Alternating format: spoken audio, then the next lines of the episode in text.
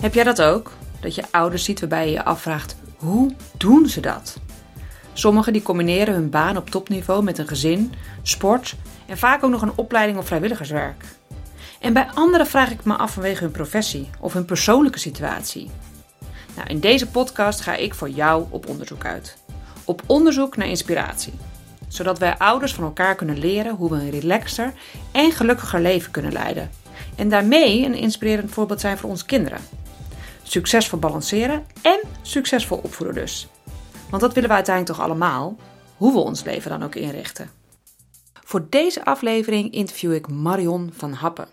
Zij is Chief Operating Officer bij USG People. Dat is een detacheringsbedrijf met ondernemingen als Uniek Uitzendbureau, Start People, ASA en Easyway. Ze werkt al jarenlang fulltime in directiefuncties. En ook haar man werkt fulltime. Beide lopen ze triathlons en zijn ze ouders van zoon Indy. Nou, echt iemand waarbij ik dacht: hoe doet ze dat? En dat heb ik voor je uitgezocht. Marion, welkom. Kun je eens over jouw carrière vertellen, hoe die zich ontwikkelde toen jij kinderen kreeg? Ik ben eh, moeder geworden van Indy toen ik 36 uh, eh, was. En dat kwam eigenlijk omdat ik helemaal niet had verwacht dat ik überhaupt kinderen ging krijgen. Want ik was echt al heel ambitieus en carrièregericht. Totdat ik iemand tegenkwam waarvan ik dacht: hé, hey, er is meer dan, dan werk. En toen veranderde een heleboel.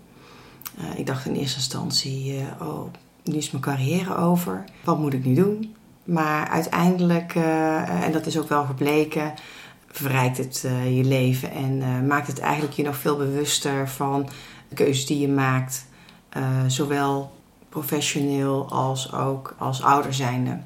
Dus ja, er is wel degelijk het een en ander veranderd.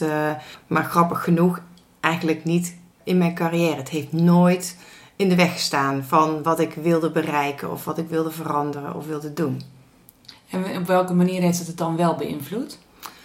Um, ik denk dat kinderen je ook wel met beide benen op de grond uh, zetten. Uh, je ook soms terugtrekken uh, uit het, de red race. die, ik werk bij een heel commercieel bedrijf waar je werk nooit af is. En ik vind mijn werk ontzettend leuk. Dus het betekent dat je altijd aan kunt staan. en als je kinderen hebt, dan heb je ook nog een ander leven, een andere verantwoordelijkheid. En dat maakt ook dat als je thuis bent, dat je ook echt thuis moet zijn. En niet nog uh, met mijn hoofd uh, in, in, in het werk. Nou, en dat vind ik meteen al een, een, mooie, want ik denk dat dat een punt is waar heel veel ouders juist heel veel moeite met, mee hebben. Om dus inderdaad met hun hoofd dan ook daadwerkelijk thuis te zijn. Wat doe jij daarvoor om dat te bewerkstelligen? Nou, eigenlijk gewoon hele simpele. Ik ben begonnen met hele simpele trucs. Want toen mijn zoon heel klein was, toen merkte ik dat ik het soms ook wel heel lastig uh, vond. Toen kreeg ik steeds uh, meer verantwoordelijkheid op mijn werk. Terwijl toen mijn zoon heel klein was, reisde ik uh, twee, drie dagen binnen Europa. En had ik heel veel moeite om dan werk los te laten en echt te zijn er voor hem. Maar toen ben ik echt, net zoals je onder de douche staat, dat je niet dan nadenkt over wat de hele dag gaat brengen. Maar eigenlijk gewoon even genieten van, ik was mijn haar. Uh, dus echt te zijn in het moment. Ik kan even niet zo op de naam komen hoe dat heet. Mindfulness. Mindfulness, ja, dank je. Dat helpt enorm. Uh, daar, dan, daar moet ik me nog uh, dagelijks gewoon een kleine reminder aangeven. Maar dat, dan ben ik meteen los van mijn werk en daar waar ik moet zijn. En heb je dat, ben je daar bijvoorbeeld een training voor gaan volgen of boeken over gaan lezen? Of ben je dat gewoon puur gewoon zo gaan toepassen? Nou, ik, ik, ik ben dat eigenlijk gewoon zo gaan toepassen, onbewust. Uh, maar ik werd er me bewust van doordat uh, op mijn werk uh, kregen we een, een, een, een training slash coaching aangeboden. En die ging over je leven als professional, waar je eigenlijk ook topsport bedrijft. Uh, en die hadden een hele mooie uitleg over je bent uh, in deze job heb je een bepaalde verantwoordelijkheid, maar die kun je alleen uitvoeren als jij fysiek gezond bent en mentaal gezond bent. dus wij kregen cursus over slapen, over nou ja, letterlijk een fysieke controle. hoe, hoe je hartslag, hoe je bloed, hoe je at, ontzettend interessant. En daar kreeg ik nog meer tips en tricks om het nog makkelijker toe te passen. Zodat je niet uh, hele cursussen hoeft te volgen, maar eigenlijk gewoon hele kleine dingetjes kunt onthouden. Waardoor je het continu langzamer in je leven laat slijten eigenlijk. Zodat het gewoon wordt. En nu denk ik er niet eens meer over na. Maar merk ik gewoon af en toe, oh ja, ik heb mezelf eventjes teruggebracht. Of dat mijn man zegt, volgens mij moet je eventjes weer hier zijn. dus dat zijn dingen die ik enerzijds deed, maar eigenlijk onbewust. En door extra aandacht eraan te geven vanuit mijn werkgever, dat ja, daar meer bekwaam in ben geworden. Mooi dat je werkgever daar ook dan zoveel tijd en energie in steekt. Ja.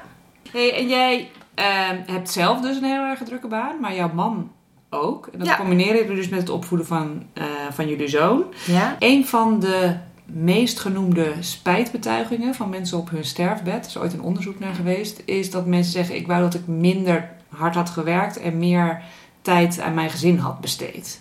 Hoe waak jij ervoor dat je dat niet eh, over 40, 50 jaar zegt? Hmm, ja, ik weet nooit wat ik over 40, 50 jaar ga zeggen. Maar zoals ik er nu in sta, en, dat geldt ook eh, voor mijn partner, is eh, door de week ben ik echt aan het werk. En ik heb heel veel avondverantwoordelijkheden. eh, eh, waardoor eh, ik ja, door de week echt minder er ben. Maar we hebben de afspraken dat ik eh, drie keer per week onze zoon naar school breng. Dat doe ik ook. En eh, dan ben ik ook voorleesmoeder. Dat heb ik al jaren heb ik dat gewoon in mijn agenda staan, haal ik er ook niet uit. En in het weekend doe ik niks. Niks in ieder geval voor mijn werk. Dan ben ik echt gewoon moeder en ik doe de was en eh, boodschappen en eh, ik ga leuke dingen doen met mijn zoon. Ik eh, speel een game of we gaan een filmpje kijken. Dan ben ik echt ook daar voor hem en dat weet hij ook. Dus dat is heel duidelijk wat, wat door de week ik wel doe en wat ik En denk je dat die duidelijkheid ook een manier is waarom het goed loopt?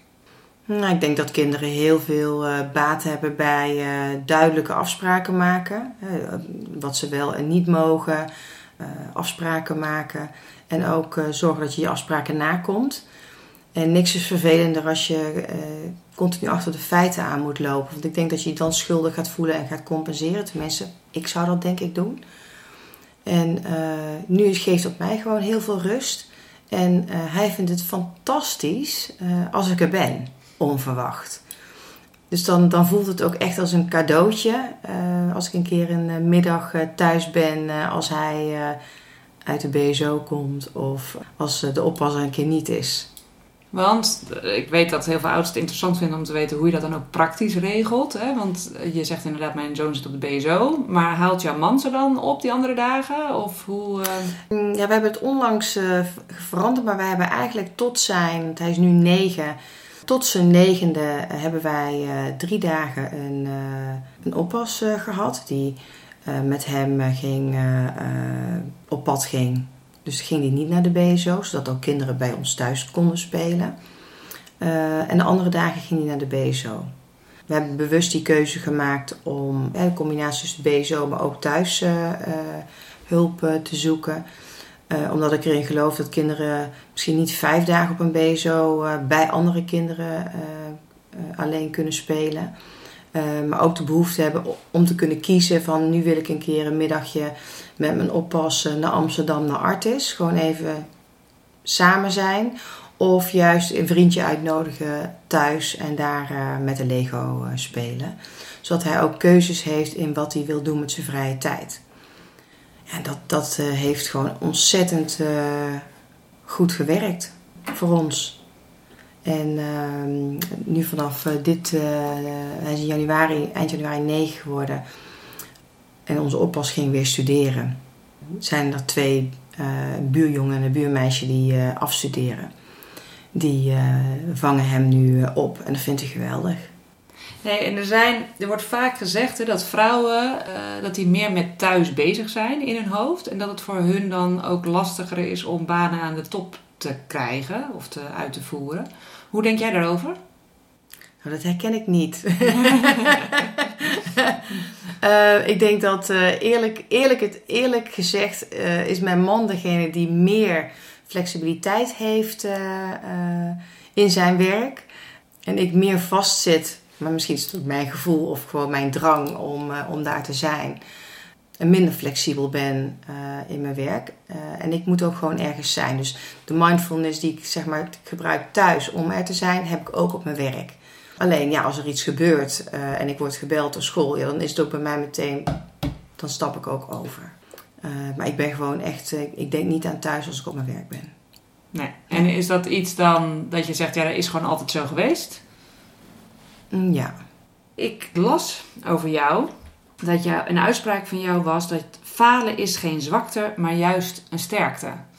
En um, ik, ben, ik ben het daar helemaal mee eens. En ik merk dat dat voor kinderen, maar zeker ook voor mensen in zijn algemeenheid, denk ik vaak juist nog een belemmering is. Hè? Dat mensen bang zijn om fouten te maken en daarom eigenlijk niet de next step nemen in hun leven. Dus ik ben benieuwd hoe jij dat je zoon leert. Ik denk door uh, uh, vaak te benoemen. Bijvoorbeeld, mijn man, mijn man organiseert met een aantal uh, vaders uit de buurt de kindertriathlon in Utrecht. En nou, hij vindt het dan heel leuk dat Indy ook meedoet. Nou, wij doen allebei triathlon, dus je bent best wel competitief. Maar onze zoon is helemaal niet zo sportief aangelegd. Hij vindt het, ook, hij vindt het heel leuk, maar niet uh, om te winnen.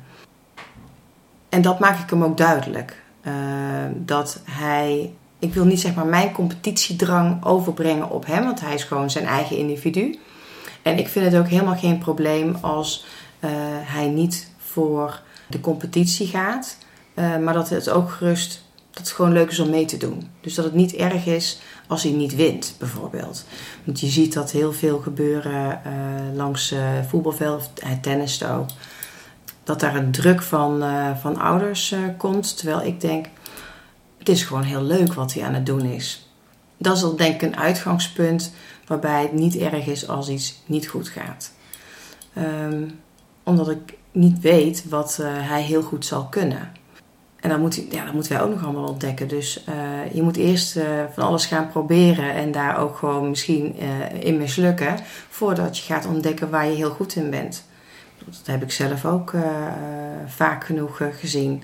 Als je iets bedenkt, een, een businessmodel bijvoorbeeld, ga dat uitproberen en dan denk je achteraf, oh, had beter anders kunnen doen of het is gewoon mislukt. Ehm, maar dat is niet erg. Alleen, ja, ik denk dat je dat ook heel goed op die manier kunt overbrengen bij, uh, uh, bij je kinderen. Dus door juist het proces te benadrukken in plaats van het resultaat. Mooi. Vorig jaar sprak je op een evenement van Harper's Bazaar over hoe je het beeld van jezelf op een slimme manier kan beïnvloeden. En um, nou ja, ik denk dat dat voor, voor heel veel mensen fijn is. Dus ik ben heel erg benieuwd wat voor tips je... Ik zit even te denken van wat ik daar heb gezegd. Dat, was, uh, uh, dat ging over vrouwelijk leiderschap.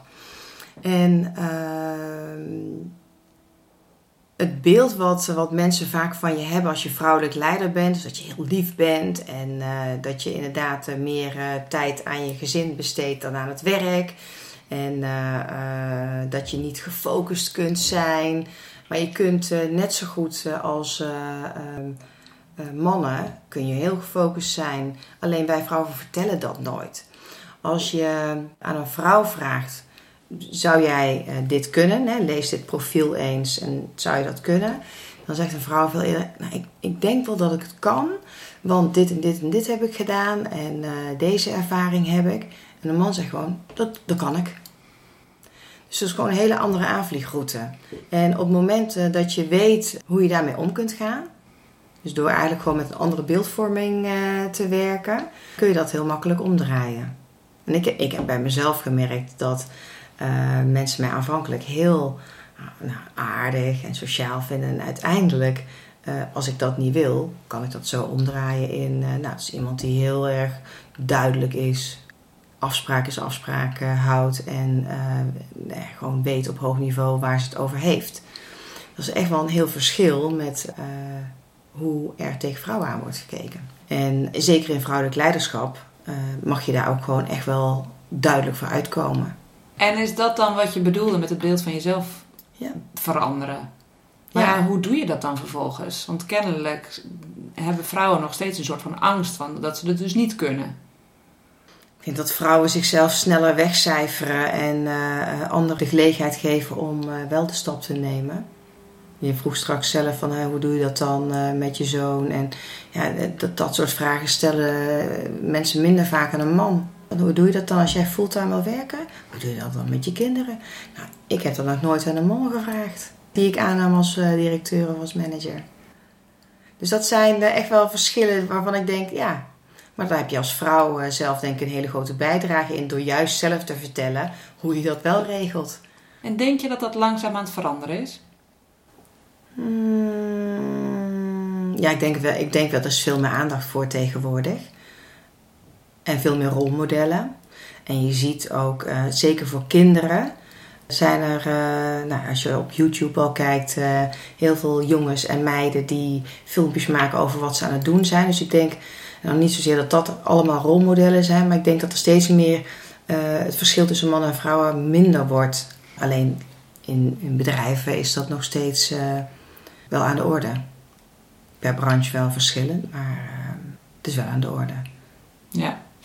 En jij vertelt nou ja, je hebt een hele drukke baan. Mhm. Eh, daarnaast hoor ik je zeggen dat je ook dus s avonds heel veel op pad bent. En ook nog triathlons uh, loopt. Of een deel van de triathlon. Mhm. Dus eigenlijk is dat mijn, mijn, typische vraag van deze podcast. Hoe doen zij dat dan? veel ouders denken dan, maar hoe doen zij dat dan? Weet je, als je dus inderdaad al zo veel en zo hard werkt. Wanneer sport je nog? Ik weet niet of je nog een sociaal leven daarnaast hebt. Weet je, van hoe combineer je, wat is jouw geheim om het te combineren? Nou, het geheim is eigenlijk dat niet alles kan. um, want je kunt niet een heel druk sociaal leven hebben door de week als ik twee of drie avonden plichtingen heb. En ook nog uh, zou willen sporten en ook nog thuis wil zijn. Dus het komt ook voor dat als ik twee, drie avonden wat heb, dat ik echt gewoon mijn sociaal leven door de week bijna niet heb. En dat ik ook minder uh, aan sport uh, doe. Maar ik probeer wel de balans erin te brengen dat ik niet week op week op week op week s'avonds verplichtingen heb. Uh, om daar wat meer balans in te brengen. En dan de ene keer zorg je dat, je, dat je met vrienden en vriendinnen afspreekt. En probeer gewoon twee, drie keer in de week te sporten. En dat is wel vaak in het weekend. Door de week lukt, dat, lukt dat gewoon bijna niet. En dat, ja, ik heb dat ook maar geaccepteerd. En oké, okay, dat ik me niet over hoef te frustreren. En ik denk dat het daarom ook gewoon blijft bij een uur, 10 kilometer. Omdat ik ook gewoon weet van ja, dan moet je gewoon meer effort daarin steken. Dat, dat, daar kies ik gewoon nu niet voor. Ja, maar ik vind dit al wel een hele goeie. Want vaak heerst het beeld dat het dus wel allemaal en en en is. En ik denk ook dat dat niet kan. weet je, dat we gewoon en dat juist die druk die daarmee wordt opgelegd bij mensen, het gevoel is van, oh, dat moet allemaal. Dus ik vind het heel waardevol dat je zo open zegt van, ja, dat, het gaat niet allemaal. En dat het gaat om bewust keuzes maken. Ja, nou, ik, ik heb echt diep respect voor mensen die zeggen dat wel allemaal te kunnen. Uh, nou ja, ik geloof daar niet in. Ik denk dat je echt, uh, uh, als je op dit niveau wil werken en wilt presteren en je hebt een gezin, ja, dat is gewoon, uh, dat zijn al twee hele belangrijke zaken waar je alle aandacht aan moet geven. En dan heb je ook nog je, je, je vrienden en je, je verdere familie. Ja, het is gewoon een vol leven. Ja, en wat doe jij dan? Want het, energie is daarin natuurlijk cruciaal. Ja. Dus wat is jouw geheim om je energie hoog te houden? Ik vind mijn werk heel leuk. En ik geniet ook enorm uh, van mijn familie. Mijn man, mijn zoon, we proberen ook echt leuke dingen te doen. Dus het weekend uh, probeer ik heel snel de was weg te werken en s ochtends heel vroeg boodschappen te doen. Om dan eigenlijk alleen maar leuke dingen te doen. Met elkaar. Dus echt kwaliteitstijd uh, ja, te maximaliseren. Als we op vakantie gaan, gaan we ook echt, als ik een week vakantie heb, van zondag tot zondag. En maandag ga ik weer, ga ik weer aan het werk dat zijn hele kleine dingen die, eh, die voor mij heel belangrijk zijn om uh, die balans te, te, creëren. Ja, en ik vind mijn werk ontzettend leuk. Dus ik hoef nooit uh, te denken van ah, ik, ik heb geen zin of ik kijk ergens tegenop. Dat, dat is er gewoon niet. Ik moet gewoon wel mezelf bewaken dat ik gewoon niet te veel werk. Omdat je het zo leuk vindt? Ja, omdat ik het zo leuk vind. Dus ik denk dat dat uh, het belangrijkste is. En daarom denk ik ook dat je niet alles kunt doen. Wat vind je in het werk het meest uitdagende en zie je daarin een parallel met je gezinsleven? Ik denk uh, uh, diversiteit. Ik ben voor, in mijn werk verantwoordelijk voor echt een hele grote. Mijn portefeuille is heel divers. En ik merk dat, uh, dat uh, naast zeg maar, dat we als familie het heel leuk hebben en leuke dingen doen, vinden mijn man en ik het bijvoorbeeld ook heel leuk om met diverse dingen bezig te zijn. Dus we hebben nu, we zijn een huis aan bouwen in, in een andere plaats dan dat we nu wonen. En daar kunnen wij enorm veel lol samen uithalen. Door gewoon ja, heel creatief bezig te zijn met dat project. En wat, ja, wat maakt dat we gewoon daar heel veel energie uithalen. Allebei.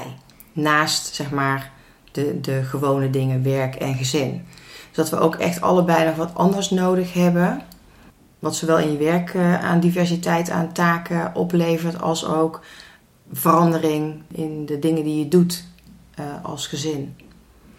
En je zegt van, uh, ik vind het het meest uitdagende. Tegelijkertijd zeg je ook dat het je het meeste energie ja. oplevert juist. Ja. Is dat dan ook juist de uitdaging? Ja, want je, je hebt iets erbij wat uh, in, een, in, in een bepaald tijdsbestek klaar moet zijn. Dus dat legt wel weer druk op, oké, ik heb gezegd werk en gezin. En de rest is minder belangrijk. Nu kies je samen voor zo'n project erbij. Ja, waar ga je dat dan instoppen? En hoe zorg je dat je wel voldoende bij, ja, bij hetgene blijft waar je in gelooft? Dus je, als je op je werk bent, is je aandacht daar. En als je thuis bent, is je aandacht daar. Dus die vind ik ook wel uitdagend om dat goed en dan qua timing goed te organiseren. Ik merk dat mijn man dat net iets strakker en meer gedisciplineerd kan doen dan ik. Dus ik moet af en toe een beetje bij, uh, bij poetsen om uh, te zorgen dat ik op tijd alles uh, ge gecreëerd heb. Want ik ben verantwoordelijk voor de binnenkant en hij is helemaal de buitenkant. verantwoordelijk oh. voor de buitenkant. Dus dat maakt dan ook nog een soort sport om elkaar daarop te wijzen en te zorgen dat we dat op tijd allemaal af hebben.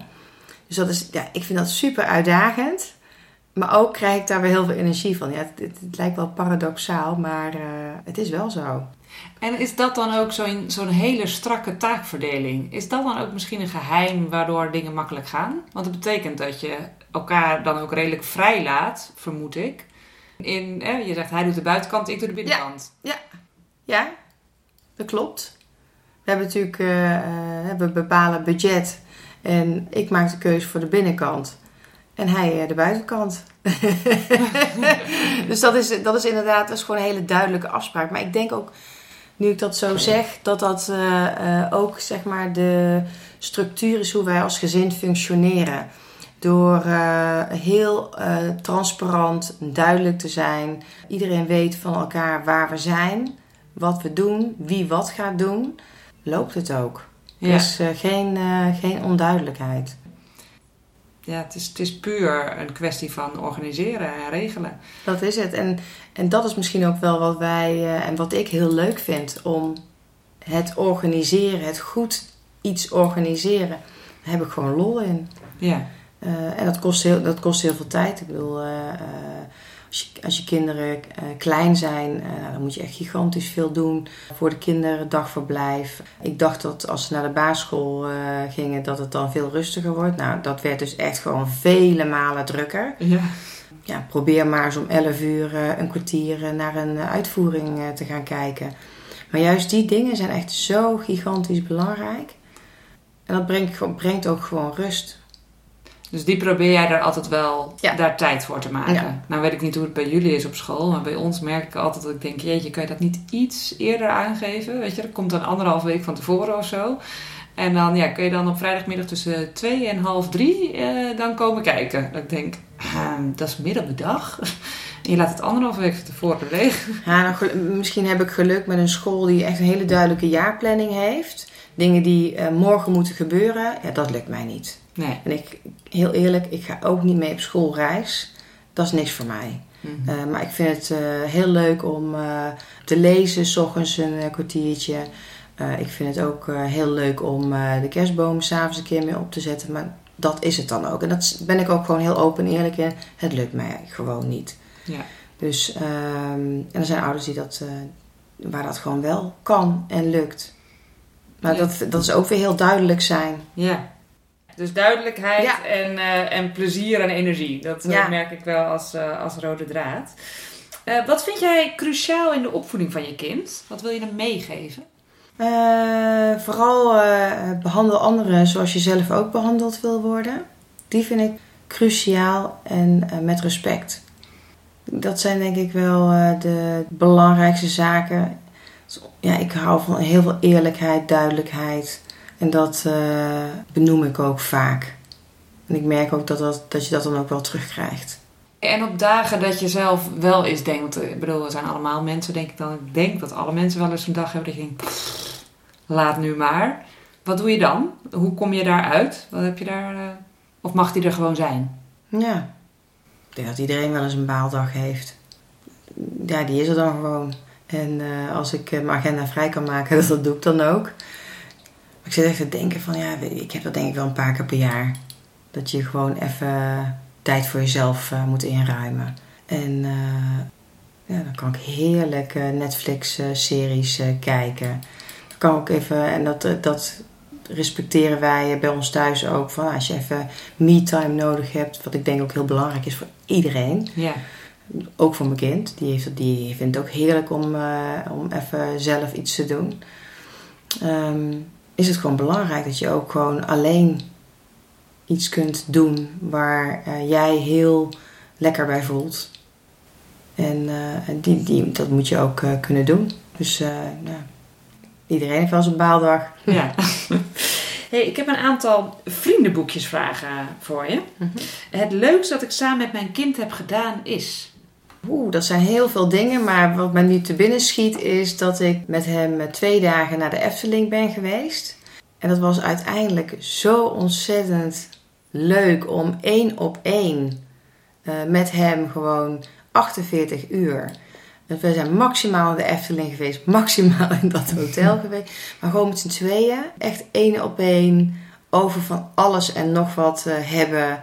Niet over school, eh, maar over eh, dromen en over eh, wat hij moeilijk vindt en uitdagend en wat hij heel graag nog in zijn leven wil doen. Want ik merk als je iets meer tijd met elkaar hebt, één op één, dan komt er zo ontzettend veel meer los dan in de gewone dagelijkse gang van zaken. En is dit een heel extreem geval, maar ik merk gewoon één op één dingen doen, dat dat heel veel waarde heeft. Dus als ik tijd maak om vorige week eh, met hem eh, een film te kijken, Snuf de Hond. Dat is een film denk van eh, iets meer dan een uur. Daar is hij zo dankbaar voor om dat we gewoon iets samen doen. Dat ik tijd maak, terwijl ik eigenlijk iets anders van plan was. Maar ja, hij toch wel soms wat extra tijd vraagt. Dan denk ik, ja, wat is nou belangrijker? Dus dan eh, kan ik ook heel goed de keus maken. En dan eh, kan ik daar zelf ook heel erg blij van worden. En dan merk ik dat dat zoveel waarde toevoegt in de relatie die je hebt met je kind. Dat je daarna ook wel heel goed kunt uitleggen als je weer een normale afsprakenrace eh, zit van door de week en in het weekend. Dat het ook weer heel makkelijk daarin doorloopt. Dus ik denk ja, dat dat soort eh, pareltjes eh, van tijd, extra tijd voor elkaar hebben. Ja, dat, is heel, dat vind ik heel bijzonder. En ik merk dat hij dat ook vindt. Want dan komt hij daarna echt terug met een tekening. En met allemaal hartjes erop. En eh, ja, dat vind ik gewoon echt superleuk. Ja, leuk. Wat mijn kind me heeft geleerd is... Ik denk wel... hij wijst mij zelf wel eens op... Mama, ik mag van jou niet heel veel op de iPad zitten. Maar dan moet jij ook eh, nu ophouden met bellen en met eh, op je telefoon eh, werken. Dat is zo. Ja, daar heeft hij dan ook gelijk, gelijk in. Dus dat, ik merk dat dat heel nou ja, verslavend is. En ik spreek hem daarop aan en hij mij. Dus dat mag ook. Eh, Ik denk een heel herkenbaar punt Ja, ik denk dat dat bij heel veel ouders eh, zo is. Ik was eh, van de week bij conferentie 2100 van Missing Chapter. En dan ben je dus met kinderen in gesprek over allerlei onderwerpen. En dat ging ook over digitaal balanceren. Ja, als, als de, alles veel meer technologischer, technologie neemt steeds meer toe in de wereld. Ja, hoe ga je dan tegen je kind zeggen dat hij geen technologie kan, mag gebruiken? Uh, want het is niet alleen voorspellen, maar nou, op school heb je al een laptop, iPad, digitaal klassenbord. Maar het gaat dan over van ja, wat is dan de balans? En hoe moet je als ouders daarin ja, regels stellen? Is dat dan je mag nog vijf minuten Fortnite? Of is het beter om te gaan vragen: wat ben je aan het doen? En vertel eens over welke, wat er nou zich afspeelt in Fortnite. Want heel veel ouders weten dat gewoon niet. Ik heb gemerkt, en dat heeft hij mij dus ook geleerd, dat ik had totaal geen interesse van PlayStation. En ik denk, ja, als ik er eenmaal aan begin, dan ga ik daar misschien wel ga ik het leuk vinden. Want ik vind, ik vind games vind ik sowieso wel heel leuk. Spelletjes überhaupt, maar ook een Monopoly. En ik begrijp nu, door een keer met hem gespeeld te hebben, hoe dat in elkaar steekt. Dus ik snap nu de context. En ik kan dus nu met hem afspraken maken over een stukje context. Uh, zodat hij denkt, oh, mijn moeder begrijpt wat ik aan het doen ben. En dat ik inderdaad nog, uh, dat werkt dan in een tier. En dat, uh, ik weet niet of jij erin thuis bent. Maar ik begrijp dat nu. Dus voor hem is het nu makkelijker om te zeggen: Maar ik moet nog twee potjes. Ik weet dan ongeveer hoe lang dat duurt. En dan kunnen we daar hele duidelijke afspraken over maken. En dan hebben we er helemaal geen gedoe over. Dat heeft hij mij ook geleerd door daar mij wegwijzen in te maken hoe dat dan werkt. En uh, hoe hij daar dan ook makkelijker uh, mee om kan gaan. En ik ben dan benieuwd wat, wat dan die kinderen op die dag zeiden waar je van de week was over dat digitaal balanceren. Vinden zij dat wij daar op een andere manier naar moeten kijken als ouders zijnde? Ja, die, die kinderen die gaven aan van hè, wij uh, willen heel graag vertellen wat we aan het doen zijn. En uh, daar zat uh, een, een, een gamemaker ook bij, maar ook een, een jongen die game verslaafd is geweest. En die kinderen die, die zeggen, ja, maar we zijn niet altijd aan het gamen, we zijn gewoon ook dingen aan het leren. Dus zij kijken heel anders aan tegen of televisie kijken of een spelletje live doen. Want tegenwoordig zijn er, wij zeggen ga maar buiten spelen. Maar er zijn veel minder kinderen op straat. Dus ja, uh, ga dan alleen spelen of ga dan met meerdere mensen in een game spelen? Dat zijn vragen die die kinderen hebben, is altijd niet allemaal oplossingen. Maar het zijn wel hele goede vragen, omdat je dan op die manier ook met elkaar in gesprek kunt zijn nou, hoe kun je daarmee omgaan? En nou, ik heb wel geleerd dat als je context snapt, uh, dat je veel beter met elkaar in, uh, in balans en in gesprek kunt zijn. Dan elkaar totaal niet begrijpen en gewoon zeggen: je mag niet op je iPad zitten. Ik denk dat met name het sociaal contact voor kinderen, het echte sociale contact. Mijn zoon die denkt dat op YouTube wat daar komt is waar. Ja, dat is natuurlijk niet zo. dus ik, ik, maak me meer bezorgd over fake news. En wat geloven kinderen? Wat is nou de werkelijkheid en wat is fantasie? Dan of je nou een uurtje op de iPad eh, speelt of een uurtje buiten. Het is allebei leuk.